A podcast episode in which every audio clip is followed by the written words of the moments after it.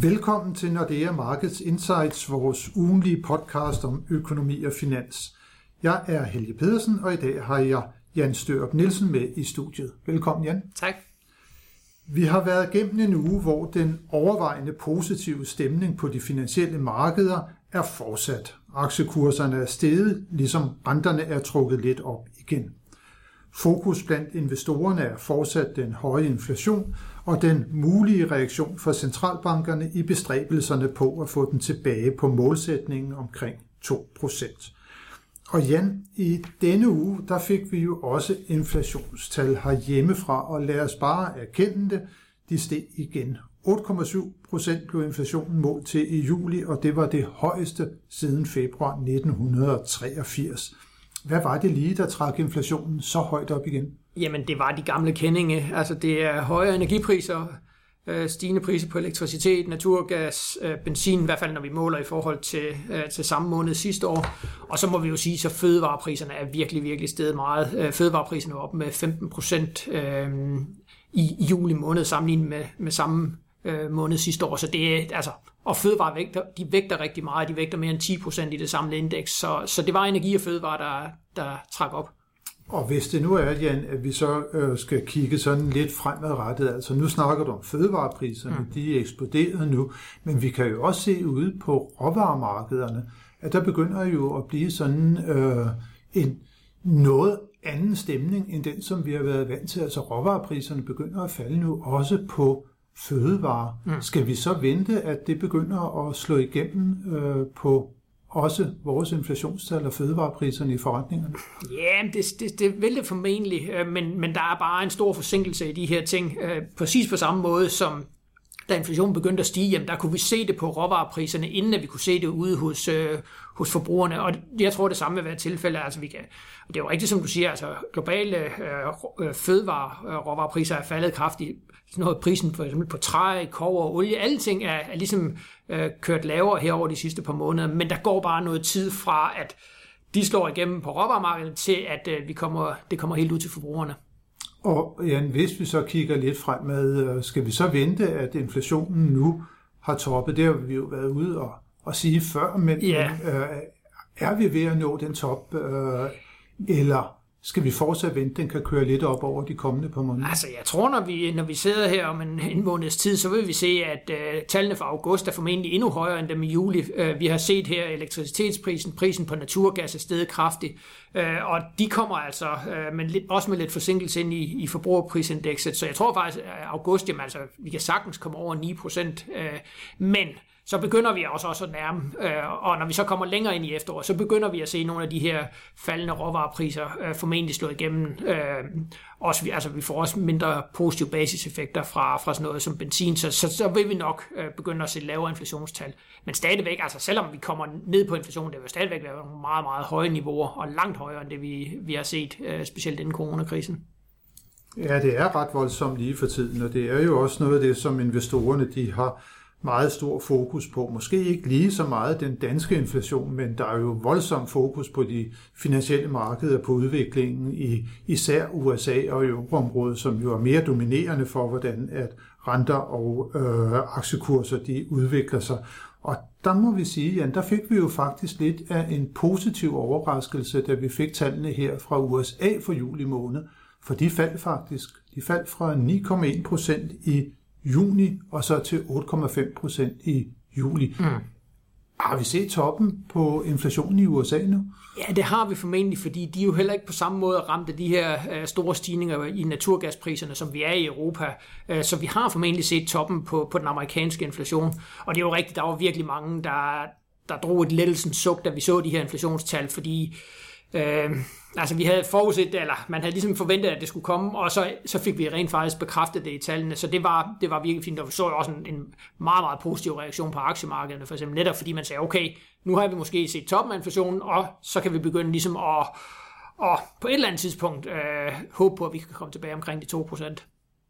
Ja, det tager nok noget tid, inden vi er tilbage det, det, på de 2%, ja. men i hvert fald så gav det her sådan umiddelbart anledning til, at der var nogen, der begyndte at have lidt anderledes forventninger til Forbundsbankens øh, kommende reaktioner. Ja, fordi så siger man jo, okay, hvis vi har set toppen af inflationen, vi kan se, og det er jo rigtigt, som du siger, det er jo ikke fordi, det sker i morgen, men hvis vi ligesom kan lægge en lineal og sige, okay, øh, når vi så kommer ind et stykke ind i 2023, jamen, så er vi måske tilbage på, øh, på sådan en mere normal inflationstal omkring 2%, jamen så kan man også, det næste skridt i den øh, ligning, det er jo så at sige, okay, hvis man ligesom kan kan tro på det her øh, aftagende inflationsbillede, jamen, så kan man jo også godt håbe på, at, at de her kraftige øh, rentestigninger, vi har set fra centralbankerne, at de måske også i hvert fald har en ende inden alt for længe. Og det var det, markederne reagerede meget, meget positivt på. Og det var derfor, vi så så, at aktiekurserne de faktisk virkelig bevægede sig nordpå i tempo, som øh, vi, vi sjældent har set det inden for lang tid. Ja, fordi aktiemarkederne er så følsomme over for den her opstramning af pengepolitikken. Og det, der var, eller det, der har udfordret aktiemarkederne, har været det her med, at man, man har ikke ligesom kunne se enden på, hvornår stopper centralbankerne med at stramme pengepolitikken. Og der er det klart, hvis man kan tro på det her med, at vi får lavere inflation, jamen, så kan man også begynde ligesom at sætte en slutdato på, hvornår de i hvert fald stopper med at sætte renten op, og så den vej rundt ligesom kan, kan forhøje aktiemarkedet. Så inflationsforventningerne de er dybest set uh, helt afgørende for, hvordan udviklingen går på de finansielle markeder. Ja, det må vi sige. Og vi må jo også sige, at øh, når det er, vi taler om lidt lavere inflation, der kom jo også inflationstal fra Sverige i dag. Det viste jo også, at inflationen den faldt sådan lidt tilbage, så der er måske øh, håb forud. Vi har hjemme, der regner vi fortsat med, at, at den måske kan komme lidt op, mm. men, men vi begynder at se sådan lidt tendens til, at den måske har toppet rundt omkring os. Ja, det gør vi lige. Og igen, altså, de her naturgaspriser, de er, de er meget, meget afgørende, men, men det er jo meget et europæisk fænomen, og det er også derfor, at så mange investorer ser meget mere positivt for eksempel på den amerikanske økonomi i forhold til, til Europa, netop fordi man siger, at USA er slet ikke udfordret af den her naturgaskrise, der jo potentielt øh, rammer os ind i efteråret, og det er jo virkelig noget, som, som gør mange mennesker nervøse. Jamen, hvad sker der, når vi igen skal til at bruge naturgas til at varme vores hus op, øh, specielt i et land som Tyskland, jamen, hvad, hvor hårdt bliver, bliver økonomierne ramt af, af de her høje naturgaspriser, og, og, og om de overhovedet kan få, få den naturgas, de skal bruge. Ja, der så vi jo faktisk også, at den tyske regering nu er kommet ind med nogle øh, tiltag til at, at lette øh, omkostningerne for især øh, husholdningerne med nogle forslag om, at det er, at man skal øge bundfradraget og også øh, øge øh, børnebidragene. Ja, jo, jo, det er jo virkelig noget, og det, det ser vi jo også herhjemme, det er jo noget, som rammer husholdningerne øh, benhårdt, det her med, at man skal lægge så mange flere penge til, når man skal betale sin naturgasregning øh, eller sin elregning. Altså, det er jo virkelig noget, der, der tager meget købekraft ud for husholdningerne, og det er jo også derfor, vi ser de her ekstremt lave forbrugertillidstal, netop fordi vi kan godt se det her med, at, at der er færre penge til rådighed, øh, når vi har betalt de faste udgifter. Ja, så får vi jo så se om udbetalingen af varmesjekken, som jo fandt sted her i forgårs, mener jeg, det var. Ja Øh, på 6.000 kroner til omkring 400.000 danske husstande, om det kommer til at hjælpe lidt på stemningen over de kommende par måneder. Ja, men, men, men det viser jo meget godt det her med, altså der er virkelig nogle grupper i samfundet, der bliver ramt meget, meget hårdt af, af de her stigende priser. Så fordelingspolitikken, den kan måske øh, få en, en renaissance i lyset af den udvikling, som vi ser lige for tiden på ja, fordi, gaspriserne. Ja, fordi altså, det rammer jo socialt skævt, øh, og det øger uligheden, så, så der er ingen tvivl om, at man sidder øh, i mange regeringskontorer rundt omkring, specielt i Europa, og siger, hvordan kan man, hvordan kan man sørge for, at det her det ikke får uligheden til at eksplodere, og måske den vej rundt også får, får den politiske utilfredshed til at, at eksplodere. Ja, det får vi jo også se, om det bliver en del af den hjemlige valgkamp, fordi vi får jo formentlig et valg her hen over efteråret. Ja, og der er, der, der er der ingen tvivl, der kommer økonomi til at fylde rigtig, rigtig meget. Øh, og det er jo sådan lidt paradoxalt, fordi jamen, hvis vi bare spoler tiden tilbage til, til starten af 2022, jamen der var, der, der var alt jo øh, guld og grønne skov. Der var ikke nogen, der rigtig fokuserede på økonomien, fordi vi, vi troede, at, øh, at den, her, øh, den her solide optur, den bare vil vare ved. Og så står vi her 8-9 måneder senere og, og har nogle helt andre økonomiske udfordringer, end vi havde tidligere. Men dog trods alt på et niveau, hvor at der fortsat er mangel på arbejdskraft mange steder. Ja, og det er jo, altså, det er jo virkelig det, der er den helt store force i dansk økonomi, det er udvikling på arbejdsmarkedet. Altså en arbejdsløshed på 2,5 procent, masser af jobvækst, masser af ledige stillinger. Øh, så selvom vi rammer ind i noget økonomisk modvinder, og det gør vi helt bestemt, og det er vi formentlig allerede i gang med, jamen så har vi en rigtig, rigtig solid buffer i, i det stærke arbejdsmarked.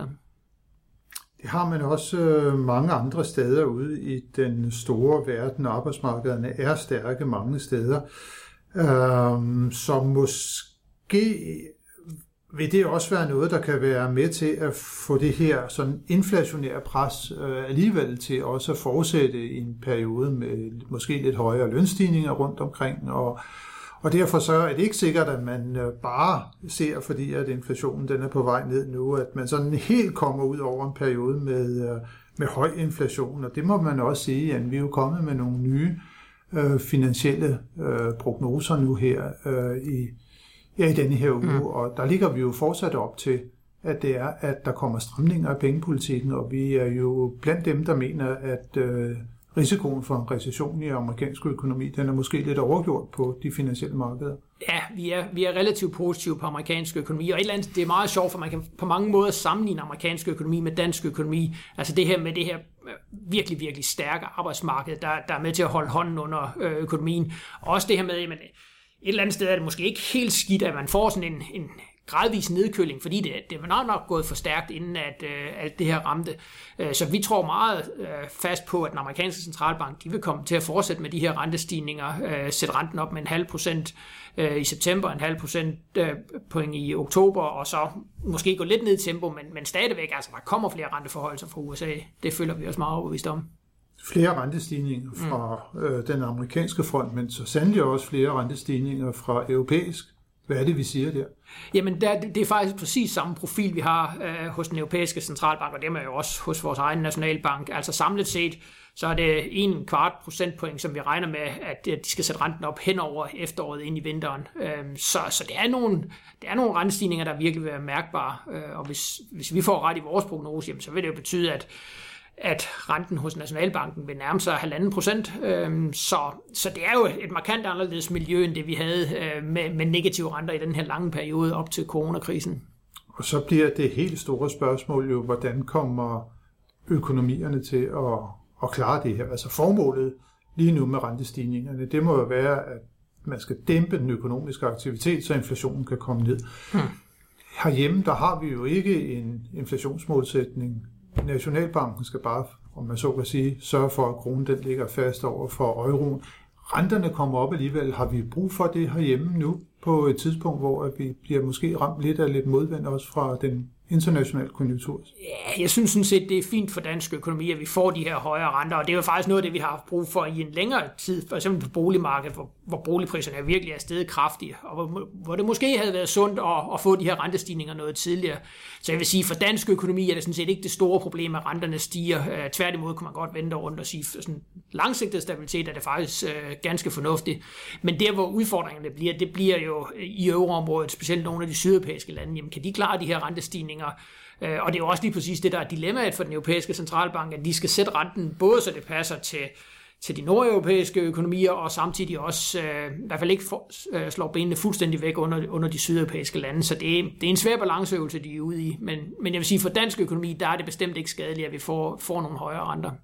Så må man jo også sige, i den der balanceark, som du nævner omkring de sydeuropæiske lande, der benytter man sig jo også af opkøbsprogrammerne til at sørge for, at de italienske og andre sydeuropæiske landes renter ikke stiger for meget, så har man jo lavet det helt nye mm. instrument, Transmission Protection Instrument, som men jo næsten får kaffen galt i halsen, når man skal udtale, der jo også skal sørge for, at rentespændene ikke kører for meget ud. Så man er jo godt klar over, at der er et, øh, et problem.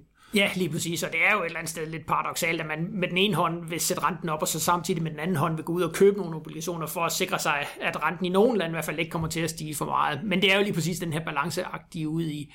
Øh, men altså i vores hovedscenarie, så tror vi, at øh, altså, de vil fortsætte med de her renteforhøjelser, øh, og de kommer i september, oktober, de kommer i december, så der kommer sådan på en række renteforhøjelser her hen over efteråret.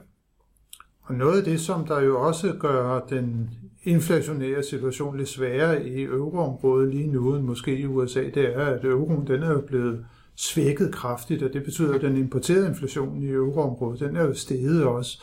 Og Jan, vi ligger jo nu i den nye prognose også op til, at øh, dollaren den skal styrkes yderligere. Ja, og det er lige præcis det her med, at, at, at vi har det her billede af amerikansk økonomi, hvor vi mener, at at markedet er simpelthen for, for negativ i forhold til øh, den her opbremsning. Vi tror, at amerikansk økonomi er stærkere end det, som, øh, som markedet tror lige, på, lige nu på. Så, så vi er mere positive på amerikansk økonomi. Og så samtidig så er vi, så er vi noget bekymret for euroområdet. Vi er noget bekymret for, for hele den her, nu har vi snakket om forsyningssituationen i forhold til naturgas, altså at det kan, at det kan ramme øh, Europa øh, relativt hårdt øh, her over den kommende periode. Så derfor har vi, at, at den amerikanske dollar øh, igen vil være øh, efterspurgt af investorerne, så, så, vi skal, så vi skal yderligere op på dollaren, selvom den jo i forvejen er, er rigtig, rigtig dyr. Og det betyder så igen bare, at det er, at inflationsudsigterne de kommer til at blive lidt øh, dårligere for euroområdet, alt andet lige, fordi de importerede varer de bliver dyre. Ja, råvarerne. fuldstændig. Altså for, når, for eksempel når man køber olie på, på verdensmarkedet, så bliver det afhandlet afregnet i dollar, og det vil sige, at vi skal bruge flere danske kroner eller euro for, for at købe olien, og så den vej rundt stiger vores priser mere, end, end de ellers vi har gjort. Så igen en øh, svær situation for den europæiske centralbank inden for den amerikanske lige nu. Men, ja. men Jan, hvis vi lige øh, også kigger ind i næste uge, hvad der sker der øh, på nøgletalsfronten, øh, så er det jo, må vi nok konstatere, en uge med øh, relativt få vigtige øh, økonomiske nøgletal. Det er faktisk en tynd nøgletalsuge, som vi står overfor. Men vi får da i hvert fald nu her på mandag sådan en indikation af, hvordan det er gået med væksten øh, herhjemme i andet kvartal. Der kommer flash-indikatoren, nemlig fra Danmarks Statistik. Mm. Hvad skal vi vente der? Jamen, vi skal formentlig vente og øh, se overskrifter med, at, at der var negativ vækst i andet kvartal. Og så vil, hvis, hvis det bliver tilfældet, jamen, så vil vi også få de her overskrifter om, at nu er der recession i dansk økonomi. Altså dansk BNP faldt jo med en halv procent i første kvartal. Nogenlunde det samme kan vi vel forvente, at der kommer til at ske i andet kvartal, og så er vi jo i, i, i en teknisk recession. Øh, så der vil helt sikkert komme, i hvert fald hvis det bliver tilfældet, helt sikkert komme nogle overskrifter i, i medierne om, at nu er, er dansk økonomi gået i recession. Men der synes jeg, der er det jo bare vigtigt, det her med at understrege, at det sker jo fra et ekstremt højt niveau. Altså, grunden til, at vi har negativ, eller vi havde negativ vækst i første kvartal, formentlig også i andet kvartal, jamen det var jo, at sidste år, det var jo et ekstremt stærkt år for dansk økonomi, så, så selve niveauet er, er meget, meget højt, og det er jo også det, vi ser på, på arbejdsmarkedet. Så, så et eller andet sted igen, altså, det gør ikke noget, at vi får den her afkøling, bare det ikke, bare det ikke bliver alt for, alt for kraftig en afkøling, som vi får. Ja, det er rigtigt, fordi vi sluttede jo næsten 2021 øh, af med rekordvækst i, i ja, dansk økonomi. Ja, det, ja. Det, det, det kvartal, det er meget, meget sjældent, man ser så høje vækstrater, som vi så. Ja, i fjerde kvartal 2021. Ja, i fjerde kvartal. Ja, ja, lige præcis. Så, så det skal man have med i, øh, i baghovedet, når det er, at man øh, ser de tal, der kommer ud. De kan være påvirket af, at vi havde så ekstra meget gang i den øh, tidligere. Hmm. Og så er der også nogle andre tal, som måske kan øh, påkalde sig lidt opmærksomhed. Vi får øh, nogle data fra, fra Tyskland, finansanalytikernes vurdering af den økonomiske situation i det såkaldte ZDW, øh, indeks, og der er vel grund til, Jan, at frygte, at det øh, også igen viser pilen ned, at tysk økonomi ser ud til at have store problemer lige for tiden. Ja, det må vi sige, så der er bestemt en risiko om, men kan man sige, at øh, der er måske nogle finansanalytikere, der, der er blevet lidt mere optimistiske med baggrund i, i de stigende aktiekurser, øh, så det er sådan lidt på den ene og på den anden side, men, men der er ingen tvivl om, at altså, det, er, det ser vanskeligt ud for, for tysk økonomi lige nu. Ja, de øvrige nøgletal, der kommer i næste uge fra euroområdet, det er primært nogle tal, der skal konfirmere om det, som vi allerede har fået at vide, om det er holdt eller ej. Det er øh, de, det såkaldte flash-estimat for euroområdets BNP, det forløbige, det viste en lille stigning i andet kvartal. Nu får vi se, når man har fået lidt flere detaljer med, om det er, det holder stik, og så kommer der også de endelige inflationstal for euroområdet for juli måned, og der viste flash-indikatoren der, at den var på 8,9 procent. Så det er altså en uge med få øh, vigtige nøgletal, som øh, vi har foran os, men øh, ugen, der er gået, har været interessant. Tak, Jan, for at være med og opdatere os på, hvad der er sket. Og tak til alle jer, som har lyttet med. Det håber vi også, at I vil gøre, når vi er tilbage med nyt fra de finansielle markeder i næste uge.